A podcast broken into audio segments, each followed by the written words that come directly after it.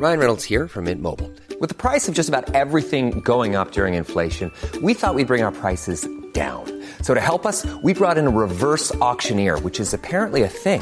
Mint Mobile unlimited premium wireless. Ready to get 30, 30, bit to get 30, bit to get 20, 20, 20, bit to get 20, 20, bit to get 15, 15, 15, 15 just 15 bucks a month. So, Give it a try at mintmobile.com slash switch. $45 upfront for three months plus taxes and fees. Promo for new customers for limited time. Unlimited more than 40 gigabytes per month. Slows. Full terms at mintmobile.com.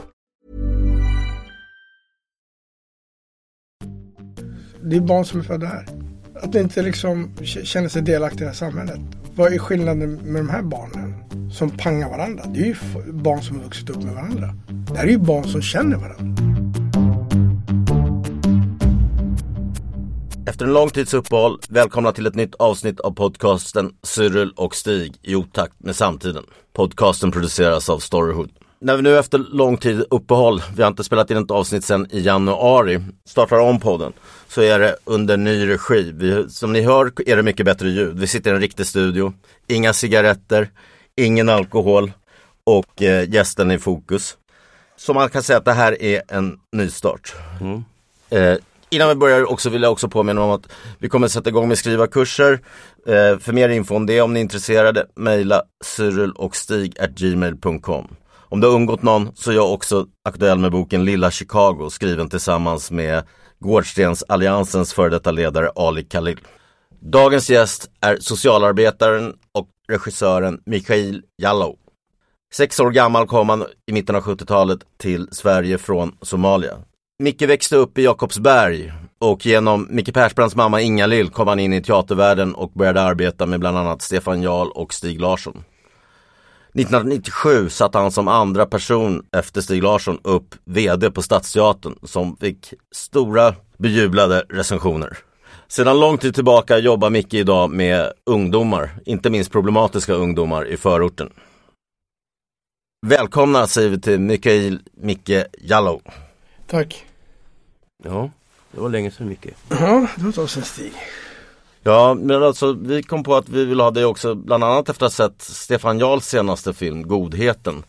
DN skrev i recensionen om den här Mikael Jallow kan man göra en hel dokumentär. För du pratar mycket om situationen idag med, med gängskjutningar och ungdomar och jag menar dels har du levt den här sortens liv för, för länge sedan men, men du har väldig insyn med att du jobbar med det. Framförallt så tror jag också att jag bor ju mitt i det. Ja, Jag bor, ju, jag bor ju i Söderhöjden. Jakobsberg. ja. eh, Söderhöjden som Ja. är ett... eh, Ni har skjutningar där också? Ja. Ja, vi hade skjutning bara för några dagar sedan. Du har väl alltid bott där ute? Ja, nej jag hade ju en period när jag bodde inne i stan Ja. i 20 år. Men sen flyttade jag ut där eh, 2008. Eh, flyttade jag tillbaks. Och såg ett område som jag hade växt upp i hade totalt förfallit. Okej. Och då började jag jobba i området. Jag tog kontakt med eh, politikerna eh, och polisen framförallt. Och moskén, samfundet där uppe. Och du var ju där ute och hälsade på mig. Ja, det var efter jag hade kommit hem från Syrien och vi, jag pratade dels om mina erfarenheter från Syrien. Det var inte en enda svensk unge du hade med dig där, kommer ihåg.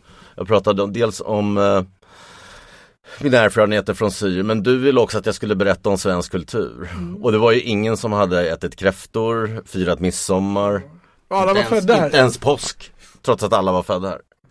Och mycket av projektet, eller så som jag har jobbat, det har varit att få ut de här barnen. Att vara, vara inlåst i en förort och aldrig se Sverige. Och nu har jag gjort det så många år. Och det, det, det är som att barnen på något sätt vaknar upp på ett annat sätt. Att att man ser att världen är mycket större än de här höghusen. Jag vet, du började ju då med den här Agera hette det va? Mm. Jag var ju undervisare där några gånger. Och det, alltså, du, det var ju väldigt, alltså, jag menar du hade en mer realistisk syn på det hela och försökte också eh, du, Målsättningen var väl att de skulle göra lumpen? Och många ju mönstrade. Och jag tror det var 20 grabbar som var med den där. Så tror jag att eh, 17 mönstrade gjorde militärtjänstgöring. Intressant att ni säger det, för jag, jag har faktiskt varit på väg att skriva en debattartikel att det är ett sätt att integrera killarna för, eh, från de här utsatta områdena. Med, med att och införa allmän värnplikt. För det var väl jag avskydde ju lumpen när jag låg där, jag låg i kustartilleriet eh, och det var mycket penalism och sådär. Men det det gjorde var att de satte ju mig ihop där med liksom killar som jag tyckte var bönder då från Skinnskatteberg eller liksom Mm. alla möjliga. De satte ihop oss från olika klasser och olika områden av Sverige. Och även på den tiden var ju också invandrare svenska medborgare tvungna att göra militärtjänst. Men när jag, när jag gjorde Och så får du lite, vänta, så får du också en nationell Känslan. känsla utan att den kanske blir fasc- jo, den kanske är lite fascistisk i armén men, men ändå. Liksom. Ja, alltså när jag gjorde lumpen så var det i princip alla gjorde lumpen.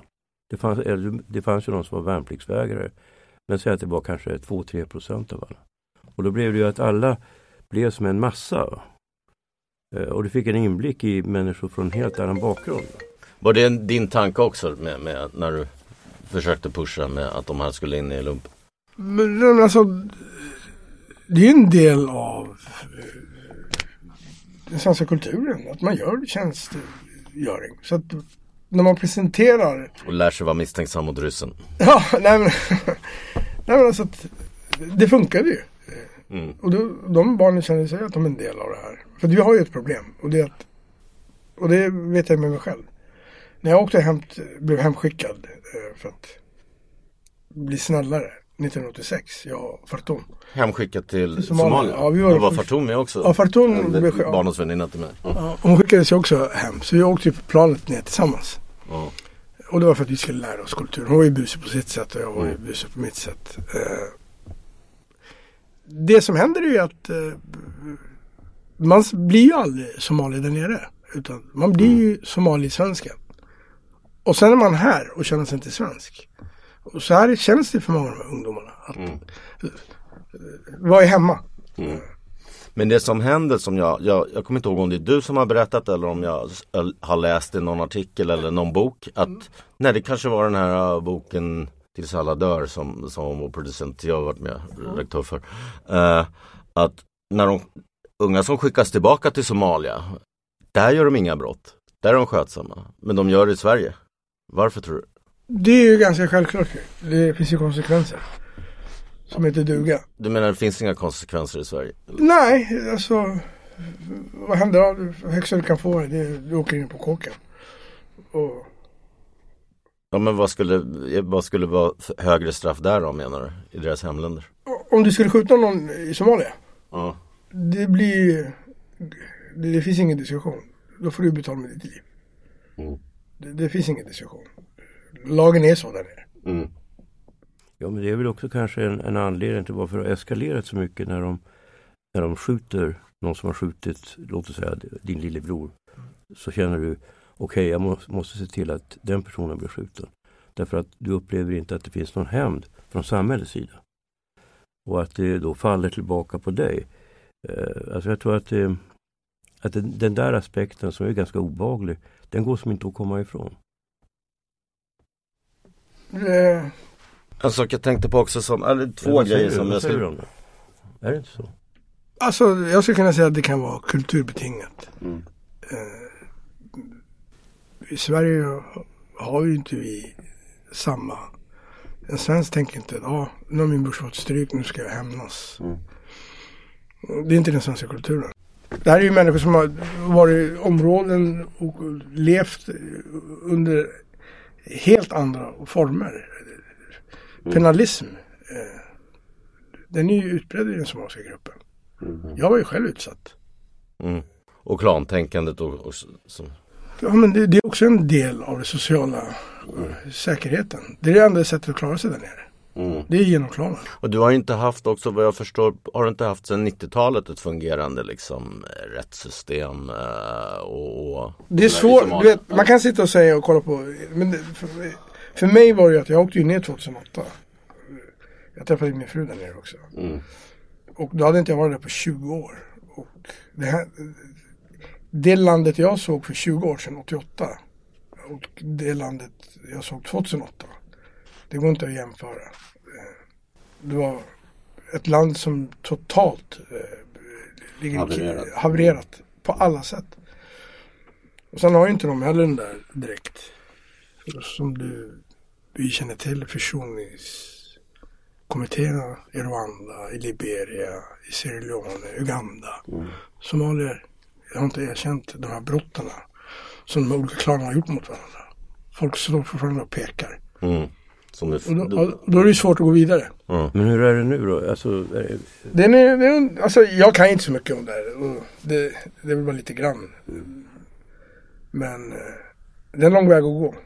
jag minns Men- när du var där 2008 du berättade då att när du skulle gifta dig så var det fred under just den, under just den natten. Va? Nej, utan det var du vet, vet, vi var tvungna att göra det på dagen. För att så fort solen gick ner, då, vart det, ju- då kom ju rånarna fram. Och Då vart man ju rånad. Eh, plus att eh, dagen innan jag landade så gick Etiopien in i Somalia. Och det var inte så populärt.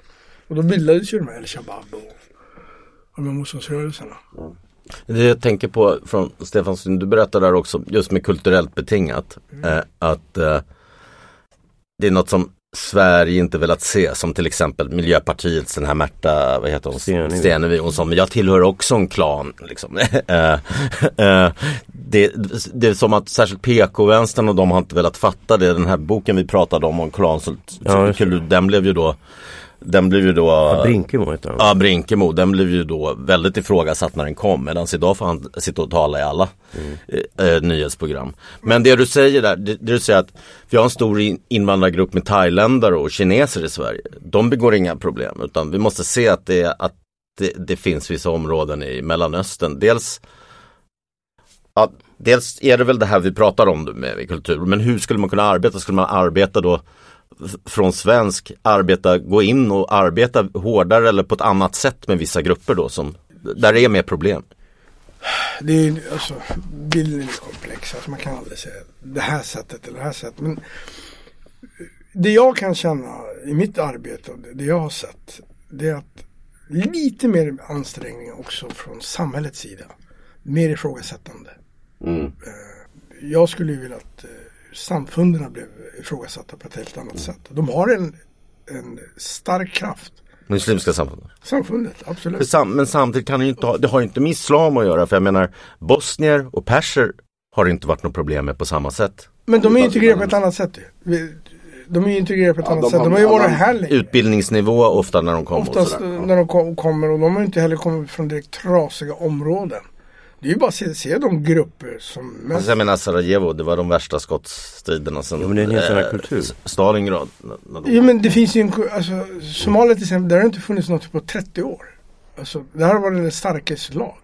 Tillhör en stark klan, ja, då har du kunnat regera i det område du bor i. Men man kan ju säga det här med klansamhället, det är ju samtidigt om man tittar på Afrika så innebär det ju en viss, kan man säga, social kontroll. Va? Så länge du är med i en klan kan du inte bete dig riktigt hur som helst. Men varför ser vi hela tiden negativt med klan? Ja, det det också. Det, finns ju också väldigt mycket positivt i en klan. Om jag till exempel tillhör en klan och kommer till ett land. Eh, då söker jag upp min klan. Mm. Och då får jag hjälp. Hur funkar samhället? Eh, Jag får hjälp med att hitta ett jobb, kanske en lägenhet. Mm. En partner många gånger. Och, blir, och kan bli en del av samhället och en betalande, skattebetalande person. Och skötsam. Men Vi ser ju bara hela tiden det negativa. Men det finns ju också väldigt mycket positivt. Ja, men det var det jag menade, alltså, om man tittar på i Afrika så innebär det samtidigt att så länge du är med i en klan måste du också bete dig på ett visst sätt. Det finns en kontroll från de äldre sida gentemot de yngre. Varför tar vi hela tiden och Stig, du är norrlänning. Okej. De bästa författarna kommer bara ett, par, ett, ett område, eller hur? Ja. Ni är ju släkt. Ni är en klan. Men ni är ju en klan. Alltså, Jo, alltså en gång i tiden så fanns det ju också klaner. Det kanske inte riktigt på samma sätt i Sverige. Men det är inte klan med glest- regler. Alltså Sverige har varit så ja, men glest det är bara för att vi har ju tagit bort våldet bara. Det finns ju klansystem i det här, här också. Ja, om du går tillbaka till Jo men det blir ju fel när man då som menar jag som Miljöpartiet säger att jag tillhör också en klan att du ska försöka inte ta, våga tala om problemen kanske med, med, viss, med klan. Vad är skillnaden mot den här kvinnan, jag stod ju där i och för sig, i Rinkeby som står och skriker, eh, sjunger We shall overcome. Kommer du ihåg det? Ja, Vad är skillnaden? Friggebo. Jo men det finns, en, det finns en osäkerhet och ofta handlar det om människor som har goda intentioner men de är så hjälplösa när de möter en kultur som är så främmande för dem. De kan inte riktigt hantera det och jag minns den här, jag läste den här Brinkemo- Brinkemos första bok. Och den fick ju väldigt mycket kritik. Men jag tyckte den var ju, han hade ju lärt sig somaliska till och med. Jag tyckte att han var en person som hade plötsligt insikter om Somalia. Men berätta mer om din bakgrund och hur du jobbat med de här ungdomarna. Eller först var det teater på 90-talet. Mm, och sen så eh, började jag jobba i Rinkebyskolan. Ja. Och då eh, samtidigt eh, så hade jag varit chef strax innan på elverket. Stefan Larsson, Midvinter. Och tanken var då att jag skulle försöka kanske eh, tjata till mig en pjäs. Sätta upp en pjäs på elverket. Men jag jobbade ju då också med deltid med ungdomar i Rinkeby. Och tänkte att kan man inte använda På fritidsgård typ? Eller? Nej, på en skola. Rinkebyskolan. Som är en högstadieskola. Och kom i kontakt med ungdomar och tänkte att wow, kan man inte använda teatern som jag har använt i mitt liv? Mm. För att inte hamna Mm. för snett. Mm. Och så presenterade jag den här idén för Stefan och Ulrika Holmgard. Stefan Jarl. Ja. Stefan, nej, Stefan, Nej, Stefan Larsson. Ja, Stefan Larsson. Jag tog kontakt med Stig. Eh, Jag tog kontakt med eh, Stig Lars, eh, med Stefan Jarl. Dror Feiler. Och så jag vill göra någonting med de här ungarna. Och så tog jag kontakt med Olle Jansson eh, som var rektor på scenskolan i Stockholm. Eh, också från Jaka. Då hade vi, och vi hade spelat Erika Günthers uppsättning på Galeasen eh, där jag var med som skådis. Eh, Änglar. Ja, ja. Så ägnar du sig åt Fassbinder. Fassbinder. Den såg ju jag. jag. Men jag minns inte det. Jag kommer ihåg han i ett gäng glaser. Och... Var hans livvakt, jag spelar ju hans livvakt. Okej, Ja. okej. Och eh, jag våldtar ju mycket på eh, bakom kulissen och kastar ut honom i den, en scen. Micke Persbrandt. Ja. Var han med också? Ja. Ja visst det, var han. Ja, ja. Eh, så att eh, Olle sa självklart. Eh, och sen så satte vi igång och började jobba. Och det gav ju sina resultat. Och det finns dokumenterat också. Efter det så fortsatte jag bara jobba. Och sen så mitt senaste arbete, Hållbar skola.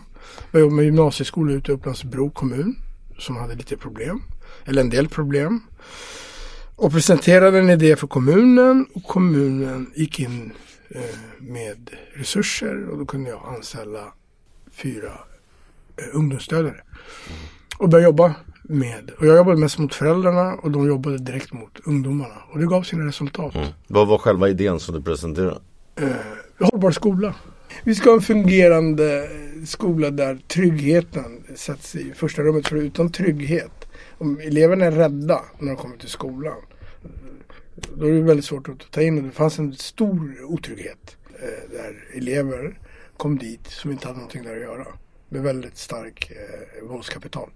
Och för många elever också, i alla fall förr när jag växte upp var det kanske skolan mer trygghet än hemmet. Det Mm, men idag, tyvärr ser det inte ut så idag. eh, För många ungdomar. Men är inte problemet med det där att det inte finns, att skolan har inget, eh, inget repressionsinstrument att ta till? Alltså hur ska man hantera de som du säger inte borde vara där? Alltså det finns, eh, finns en tandlöshet från skolans sida, från samhällets sida. Vad gör man? Nej men alltså i det här fallet till exempel, jag menar lärare är ju där för att uh, lära ut. Om läraren ska hålla på och säga till elever eh, på grund av olika diagnoser inte kan sitta still. Då blir det väldigt jobbigt för läraren. Men, men vad gör man då? I det här fallet då, anställde vi fyra ungdomsstödjare, två killar och två tjejer. Mhm, Som jobbade direkt mot de eleverna. Okej. Och det gav ju sitt resultat. Och ma- man kontaktade också föräldrarna. Ett tidigt skede. Inte när det hade gått ett år och eleven gång efter gång eh, inte dyker upp, eh, ställer till på lektioner för andra elever. Utan man tog tag i problemet direkt på plats. Redan från första dagen. Och eh, kontaktade föräldrarna. Hur gamla var eleverna då? Eh, för första ring. Okej. Första ring. Men regeln gäller inte bara för första ringare utan när vi drog upp på projektet så spelar det ingen roll om du gick i, i trean. Eh, och då är de är 18 och då ska man ju inte kontakta föräldrarna. Men eh, Men De- börjar det inte långt tidigare? Alltså, i, jo det började ju i tidigare ålder men i och med att det här var en gymnasieskola som var just eh, hade pro- stora problem och utmaningar. Så började vi där. Självklart med facit i handen idag så ska man ju självklart börja i tidigare stadium. Och det, det här projektet har ju ändå gjort så att eh, ur det här projektet så föddes det ett projekt där man jobbar nu idag mot eh, yngre. Så att det har gett den eh, positiviteten i alla fall. Vi måste, man kan inte bara låsa sig på ett sätt. Vi må- måste hela tiden försöka hitta andra vägar. Jag har förstått också när jag talat med dig att det är ju, det är ju killar som det är problem med framförallt liksom med, med i de här områdena. Att tjejerna, du sa någonting att tjejerna de ser på sina mammor med skräck lite att de, de vill inte bli som dem eh, som sitter hemma tyglade och, och jobbar i hemmet. Eh, och därför börjar de plugga och ambitiösa i skolan.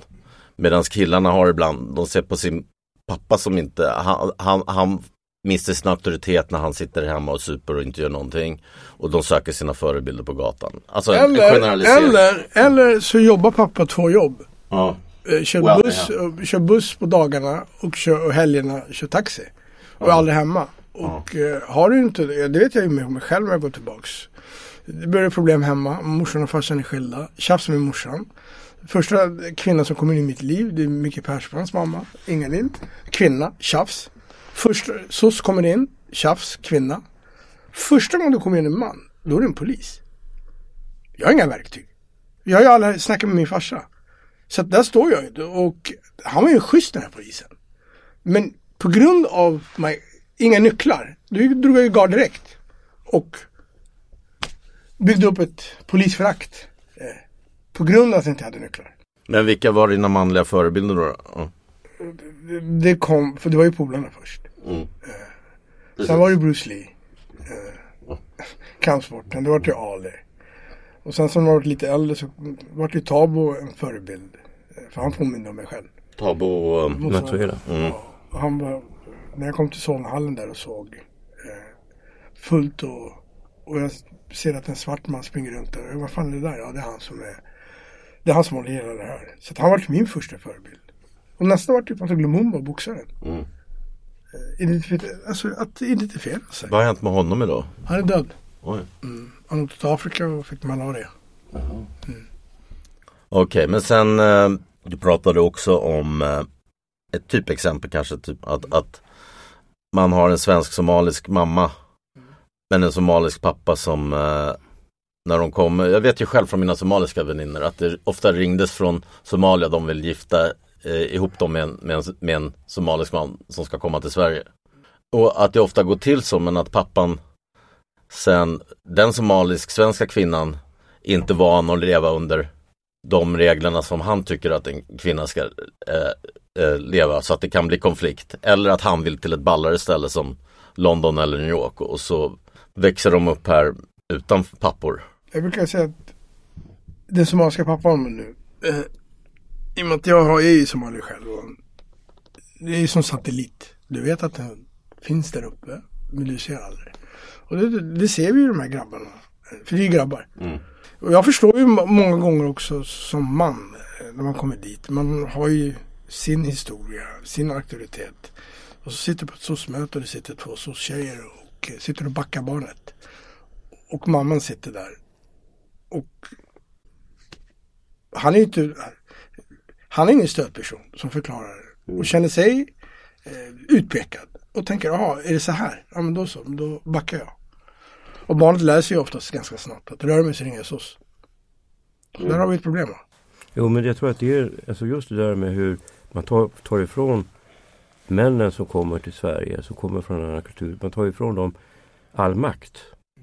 Och det innebär ju, jaha, vad ska hända då? För eh, eh, om du tar folk som kommer från Syrien eller Somalia eller vad som helst.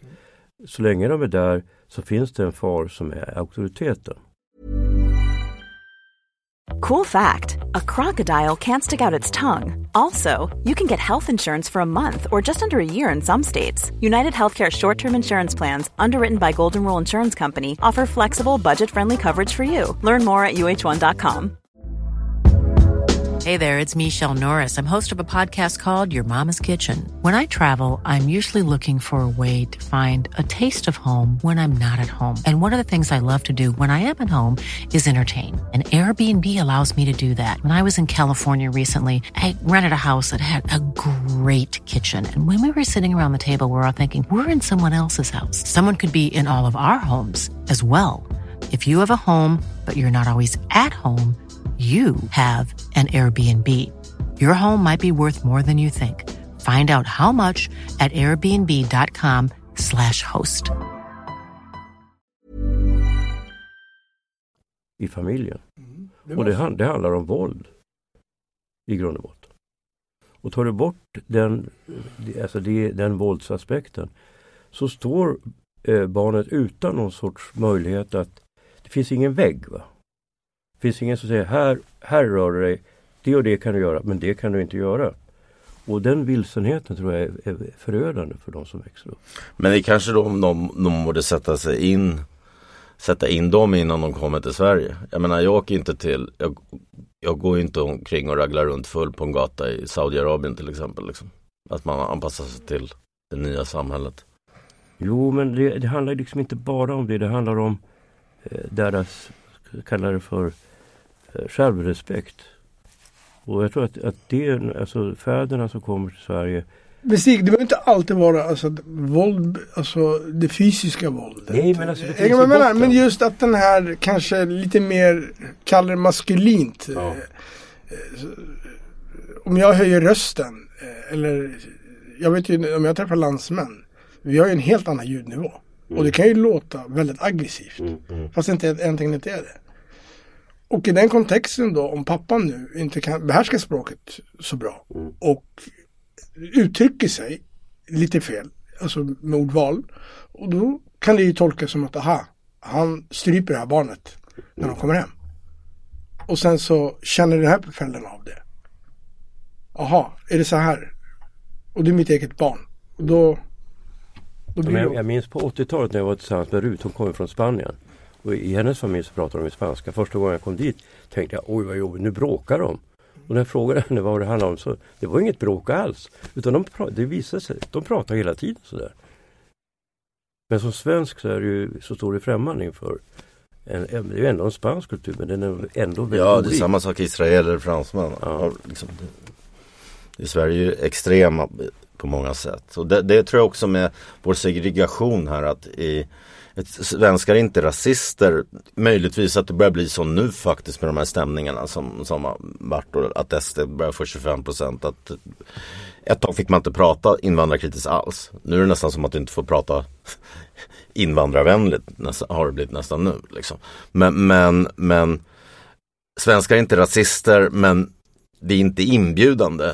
Eh, att, att, att vi borde ju bjuda i, istället för det är även upp till svenskarna att bjuda in invandrarna. Men Precis som det är till invandrare och, och ta del av det svenska samhället. Men svenskar bjuder inte in, ens in sin granne på, på middag. Liksom. Mm. Jag kommer ihåg när jag var liten. jag brukar garva ibland. Eh, och jag kommer ihåg hos en, en svensk kompis. Och hans mamma kom in i rummet. Jag tror jag är en åtta bast. Då hade vi lekt alla dagar. Och så säger hon. Nu ska Olle äta. Nu får du vänta här. Ja, man fick vänta, så var det hos mig också. Och mm, jag tänkte när vi var hemma hos mig. Eh, om polarna var hemma hos mig. Och det var dags att käka. Den som inte ställde sig och upp och tvättade händerna och gick och satte sig vid matbordet. Då drog morsan det barnet till matbordet. Och fick inte, alltså var tvungen. Och där har du igen va? Ja, men så Och då undrar man ju så här. För mig blir det så här, vänta nu, är det ondska? Men där är ju den svenska försiktigheten. Tänk om jag ger det här barnet mat som den inte gillar och så kanske den blir sjuk. Då Nej, är jag tror inte det var det. Jo, det är det där, man ska vara jävla banne med vara Nej, försiktig jag och inte ihåg- stöta sig och... Det är i alla fall den bilden jag Jag har. kommer ihåg det, för båda mina föräldrar ju- har ju gått sina skolor i ungdomen och sådär i Frankrike. Även om de inte var fransmän så var de ju del av den kulturen. Så hemma hos mig så fick ungarna alltid mat, mina polare. Och det blev så långt att till och med att det kom folk bara för att äta till oss. För många där på 70-talet fick bara fil och flingor där vi växte upp i Ja, men för mig. men, men, men, men, men grejen, var, grejen var när de fick äta, då ringde det barnets föräldrar sen till morsan. Hur mycket jag skyldig? Ska ni ha 25 kronor? typ ungefär. Så det är någon sån ängslighet var det också. Någon sniken men det är naturligtvis olika för att när jag, när jag, när jag växte, när jag var liten va? Men det beror ju på att mamma och pappa var så snälla. Så fick ju alla eh, till exempel fika och till och med kakor. Och de sa, de gav oss kakor för det var ju något sensationellt. Jag minns min kompis Erik, du minns Erik? Ja, Erik. Ja. Han, han var så förtjust i några chokladkakor som han fick. Vet, med sådana här mandel och grejer. Va? Så jag minns när han fyllde 15 år så gav jag honom tre paket i, i födelsedagspresent. För han var så glad över det. Han kom hem till, till mamma att han fick de där kakorna. Så att okej, okay, det där är ju olika för olika människor i Sverige också. Men det är naturligtvis en annan kultur. Och det måste man ha en, en neutral syn på. Men idag har det blivit en generalisering. Man generaliserar. Mm. Alla invandrare är liksom en bunt. Mm. Och det kan ju aldrig vara nyttigt för ett samhälle. Nej, nej. Om vi går tillbaks mer eh, till kärnan av det här samtalet. Varför är det sån stor majoritet eh, invandrarungdomar och sen också från den somaliska gruppen som, som eh, står för den här gängkriminaliteten och det, och är det i förorterna? Är det för dålig ekonomi? Det är mycket pengar på att sälja droger till exempel Cola och Mariana som, som det, det, det är mycket som det mycket handlar om som försäljning eller är det att uh, är det, vi lever i ett vi och dom samhälle att man, man har skapat sitt eget parallellvärld, sina egna klaner? Alltså jag skulle vilja dra paralleller med alla de här barnen från Göteborg, Stockholm och Örebro som drog till Isis. Mm. Kolla den gruppen. Mm. Hur, det, hur den ser ut. Det är barn som är födda i Sverige. Som är halv eh, eh, Marocko, halv eh, svenskar, nordafrikaner, somalier. Födda här. Drar och krigar någon annanstans. Det finns inte ens bevis för att det här har någonting med religionen att göra. Nej, nej, vad jag har förstått så har de varit väldigt dåliga på islam men många har fått kanske en fel vägledare men, i de här källarmoskéerna. Men varför? Det är barn som är födda här. Att inte liksom känna sig delaktiga i det här samhället. Vad är skillnaden med de här barnen? Som pangar varandra. Det är ju barn som har vuxit upp med varandra. Det här är ju barn som känner varandra. Som har gått i samma skola. Mm. Mm. Alltså varför ställer inte vi de här parallellerna? Mm. Alltså jag tror att någonting händer, man tittar, man går tillbaka till när du växte upp. Mm. Så var ju inte vapen, det fanns inte i samma omlopp. Och, men däremot så var det ett fysiskt våld, att man slogs och så. Eh, men sen när vapen kommer in så blir det helt, blir helt andra konsekvenser. Ja, Sverige har en extrem tillgång på vapen för där har ju i, faktiskt i England har också problem med just gäng och den somaliska gruppen. Men där knivar de varandra. Mm. För de, de, har inte tillgång på vapen på samma sätt. England som vi har fått i Sverige av någon anledning. Alltså jag tror att den här explosionen av, av våld och skjutningar eh, den kan förklaras genom att jag vet jag träffade en svensk kille som eh, jag träffade honom på krogen. Jag, jag tyckte han, han blev illa behandlad så jag ställde upp honom. Och då sa han, ja, vad, vem är du? Och jag berättade att jag är författare. Och så här. Och sa han, ja, jag är hitman, jag dödar människor. Ja, så började jag lära känna honom. Han blev skjuten sen två år senare. Men han, han berättade då, om man skaffar en pistol, då behöver man inte vara stark längre. Då får du makten genom pistolen. Och jag tror att han var ju då yngre. Och jag tror att för många så blir det där att har du vapen så har du det som en trygghet. Men det blir sådana konsekvenser när du sedan använder det.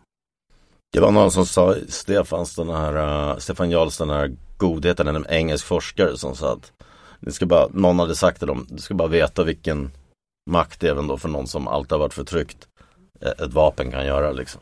Men det är ju som att, du vet ju du som har tränat. Mm. Går ner och lär dig boxas liksom så, då får du ju en annan Det var det det var innan, man lärde sig fightas. Mm. Nu är ett steg till och det är att eh, folk använder vapen. Mm. Sen, sen har utvecklingen gått så, den har ju du sett på nära håll också. Att på 90-talet var det skjuten i foten, blev, gav också en löpsedel. Sen, sen 00-talet, skjuten i benet handlar om och sen har det nu blivit till skjuten i huvudet. Ja, det går ganska fort sånt där. Men det finns, en, alltså, det finns ju en uppgivenhet. Menar, man gör ett mindre brott, kommer ut. Sen ska du söka jobb. Visa dina polispapper. Mm. Har du, då får du inget jobb. Ja, där är ju mer arbetsgivare idag som ställer krav på att få se mm. Så ser det ut. Alltså du kan inte få ett lagjobb. Vad gör du då? Du har suttit inne två år.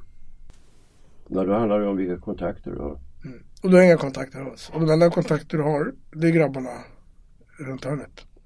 Så att tittar man för, för den som verkligen tar sig ur. Mm. Finns det en väg ur om mm. du redan har blivit straffad en gång? Mm. Jag brukar ju säga när jag, när jag jobbar, jag jobbar också en del med kriminella ungdomar och sådär. Jag försöker få dem det där att det finns inga genvägar. För det, det är också, det präglar ju alla oavsett om det är svenska eller invandrare, det där tänket snabba och ta genvägar hela tiden. Och ändå eh, skaffar en utbildning, yrkesutbildning eller universitetsutbildning. Det tar tre, fyra år men folk tycker att det tar för lång tid, det är för lite pengar. Och... Men även om du tar det där eh, och du har varit straffad, kommer det att verkligen Ja, du, kan ta, du kan ta en utbildning där bara meriten från utbildningen gäller. Om du till exempel blir läkare eller Ja, ad, krävs det- jurist. då krävs att du det krävs att du Det anstränger dig. Ja, det krävs också, inte alla kan bli läkare. Nej, nej. Det är ju det. Va? Alltså det finns ju, alltså när man tittar så här på eh, skola och uppväxt och så. För vissa människor finns en poäng att bli socialiserade. Att bli en del av samhället. För många är det tveksamt. Jag menar, den här, det här valet att bli kriminell är på ett sätt ett rationellt val. Jag tror inte folk är så dumma att de bara plötsligt som man av en ingivelse blir det. Utan på något sätt så vet de vad det innebär, mer eller mindre. Och det är det som är problemet. Att valet att bli kriminell, eller att börja, låt oss säga att du är 12 år och du börjar hålla koll på vilka som rör sig i området och du berättar, du är en så kallad springpojke. Det valet är inte ett liksom korkat val. Det är det som är problemet. Alltså att det finns en poäng bakom valet att gå in i den kriminella världen och att, för, att förhindra det. Det är det som är svårigheten. Man måste på något sätt se sanningen i vitögat. Och att det finns också en prestige att vara en av, av, av dem. Alltså en prestige gentemot dina jämnåriga som också är 12 år. Ah, Det, det är väl det som är det allvarliga idag tycker jag till skillnad mot vår tid. Det har alltid varit så, det räcker att se Gudfadern att unga har tagits upp av de äldre och söker förebilder där som lär upp dem och de hittar en gemenskap där och så är det spänningen och också en viss prestige i, i att vara gangster. Men, men Eh, och den tror jag inte samhället kan få bort, att vi skulle behöva stigmatisera att eh, det är fult att vara gangster, som det inte är nu, med, också med all musik och, och sådär. Den, kan, den är för att få bort, men just det här hur du använder, ett exempel i Vårberg-nätverket med drogförsäljningen som pågick där till exempel, jag lyssnade på en podd om det. De som låg bakom de är redan veteraner som är 25, som var hjärnorna bakom och, stå och liksom delar ut drogerna. Men sen har du de som är 16 som, som säljer dem på gatan. Då, folk till och med som är 11 som är spejare liksom, och får pengar. Och där, där försökte de med något nytt och till och med åtala en av dem för människohandel. Den används ju mest med sex. Och här är det ju svårare för att du går in frivilligt i gruppen. Men det som händer är att du går in frivilligt, du blir bjuden på McDonalds, de kö- kör till McDonalds, bjuder på McDonalds, ger någon 500 lapp, 1000 lapp. Och då är de ju snälla och då, då vill man ännu mer vara med frivilligt. Men sen kommer det här också eh, när det kommer den elaka sidan från de här äldre. Och s- där, de, där det mer är tvång. Att man kanske borde skapa mer, på något sätt fixa några lagar eller på något sätt att det också dra in barn på ett annat sätt. Att det är st- verkligen straffbart och kännbart. För annars kommer det där bara krympa ner och mer och mer åldrarna. Straffar du 16-åringar med långa straff för vapeninnehav, ja då är det snart en 11-åring som, det har de ju sagt, vi är förberedda, som går med vapnet istället. Jo, ja vad ska man göra åt det? Ja, det är, komplext det där. Eh, titta på skolan. Där skär vi ju ner. I de här områdena. Fritidsverksamheten plockas ju ner. Det är ju bara att titta i Rinkeby. Där har de ju lagt ner ungdomshus. De har dragit upp där igen. Det här, är- det här har ju varit ett snack sedan 70-80-talet när de har lagt ner ungdomsgårdar. Men jag tror det, det är satsa på ungdomar genom skolor och ungdomsgårdar och hobbys. Kanske inte bara att de ska få en studio och sjunga gangsterrap om att skjuta varandra. ut- Utan andra grejer, teater och sådana saker också. Liksom. För nu är det bara fotboll alla är ju inte, och alla är ju inte fotbollsspelare. Och många av de här kriminella grabbarna är ju spruckna fotbollsdrömmar. Många är ju duktiga fotbollskillar från början. Jo, jo, massakern på vår krog och bar, där som jag skrev om i den här lilla Chicago nu. Där är ju en av de dömda, var ju landslagsspelare till och med. Ja, Provspelare för Chelsea. Jättemånga av de här killarna runt Järva som var inblandade i en del tråkigheter. Alla, flera av dem, jätteduktiga fotbollsspelare. Men kommer från broken home. Och ger mammorna stöd. Mm. Mammorna i de områdena behöver mer stöd.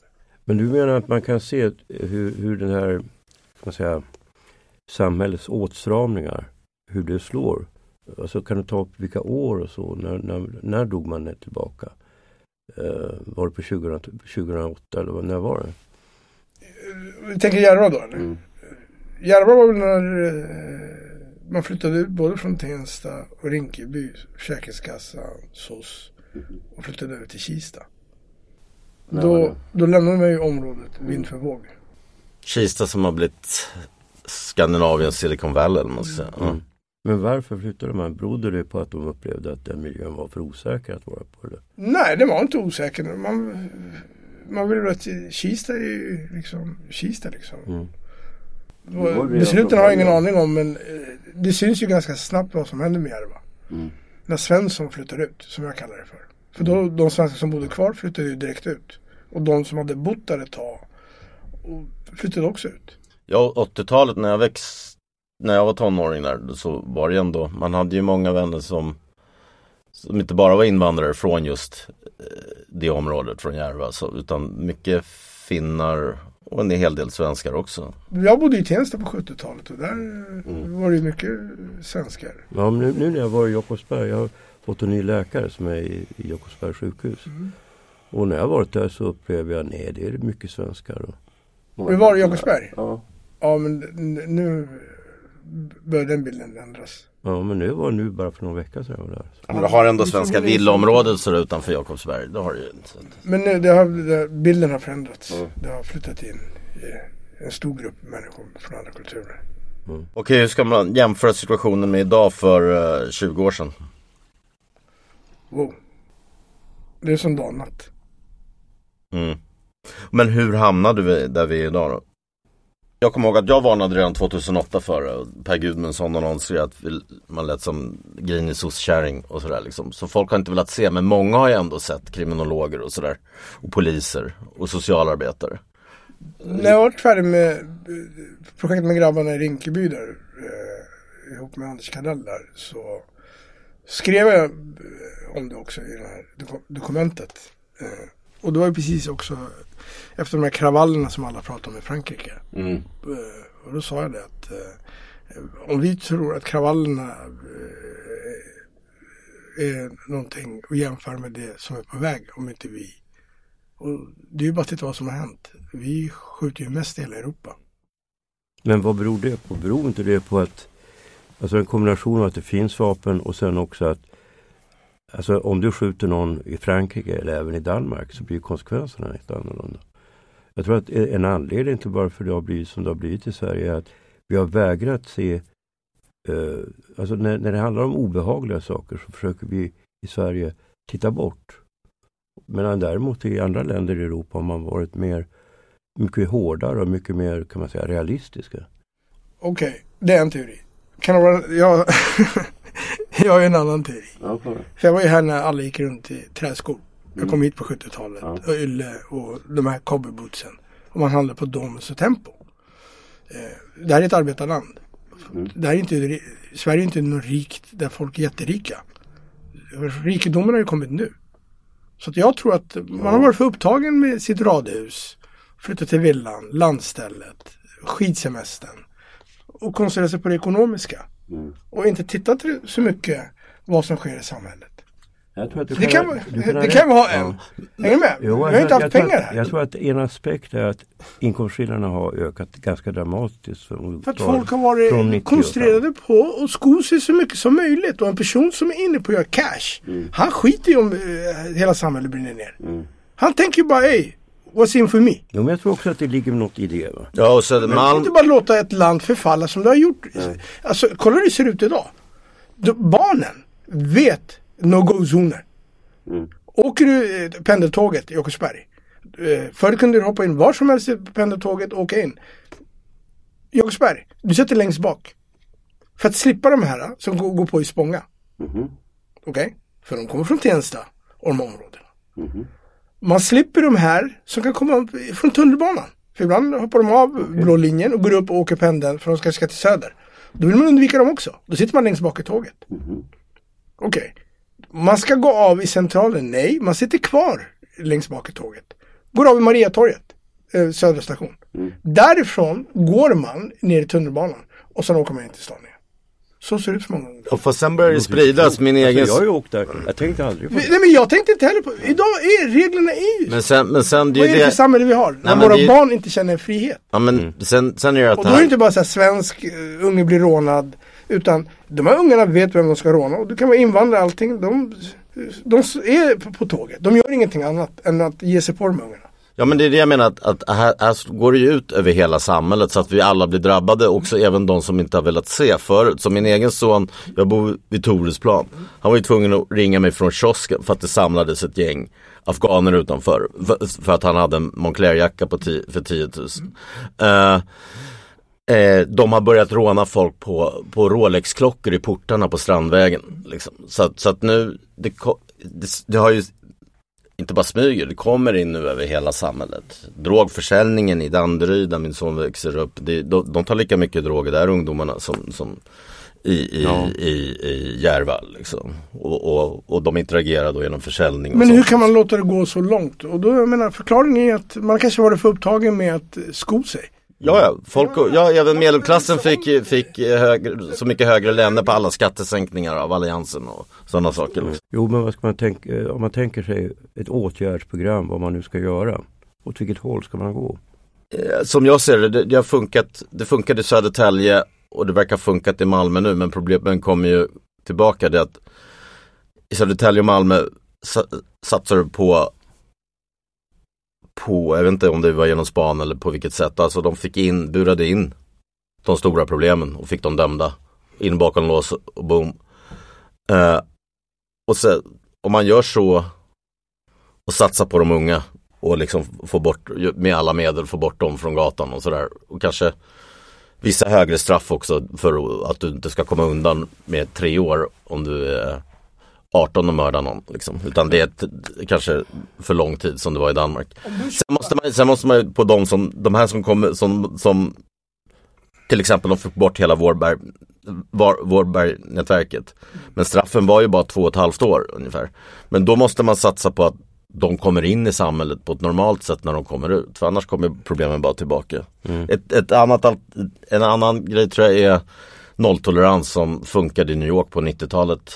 Eh, i alla fall. Så, så Jag tror att det är en kombination av, alltså när du Micke talar om, om det gamla Sverige, alltså från 80-talet och så. Va? Så jag håller med dig, det, det var ett annat samhälle, det fanns en annan, ska man kalla det för, det fanns en relation mellan människor som var rika och fattiga. Alltså det var inte samma som det är idag, samma stängda gränser. I dagens läge så är det nästan som ett gated community. Och, och det är något som vi inte kanske kan gå tillbaka till på ett bräde. Det, det kommer att ta tid. Ja, alienationen som folk känner i förorten och inte känner att de är en del av det svenska samhället, det måste bort. Men, men alltså att åtgärda det som är akut idag, det kan man bara göra genom att höja straffen. Okej, men då vill jag bara inflika en grej här. Om du tjallar, då får du en kula i huvudet. Vad ska samhället komma med för avskräckande? Ja, jag vet. Ska vi bara hota med 300 års fängelse? Det har vi inte här. Sen också skola till exempel. Du har ju varit med när Stefan, jag var med när Stefan och du var med dig och, och läxade upp dina killar att du måste lära dig svenska. Det är okej som, som många invandrarvänner jag har att de pratar sin invandrarsvenska på krogen eller när de är med sina vänner i orten. Men de, kan, de har lyckats att kunna skaffa sig bra jobb trots för att de kan de kan svenska koderna och kan tala normal svenska. Som Stefan sa, ni, måste, ni kan inte prata så här. Som han. Det måste du också för annars får du inget jobb. Jo, men jag vet att när du hade den här skolan i Agera så tog du upp att det handlar inte bara om språket, det handlar om sådana saker som kroppsspråk. Och du tränar dem på det också, minns du det? Jo, absolut. Och sen var det väl också viktigt att, att de fick komma ut i svenska miljöer. Eh, och och då undrar vad är svenska miljöer? Jo, alltså, det finns svenskar. Jag drog med mig Anders Gardell till exempel, som är svensk. Många gånger träffar de ju aldrig svenska förutom läraren eller SOS, eller om polisen kommer. Och i det försvinner ju mycket eh, koder. Eh, både sociala och kulturella koder. Och det måste man ju också få träning i. Okej, ja vi tackar då Micke för att du kom hit. Sen är vi tillbaka med ett nytt avsnitt om några veckor igen. Ja, två veckor kanske. Tack. Mm.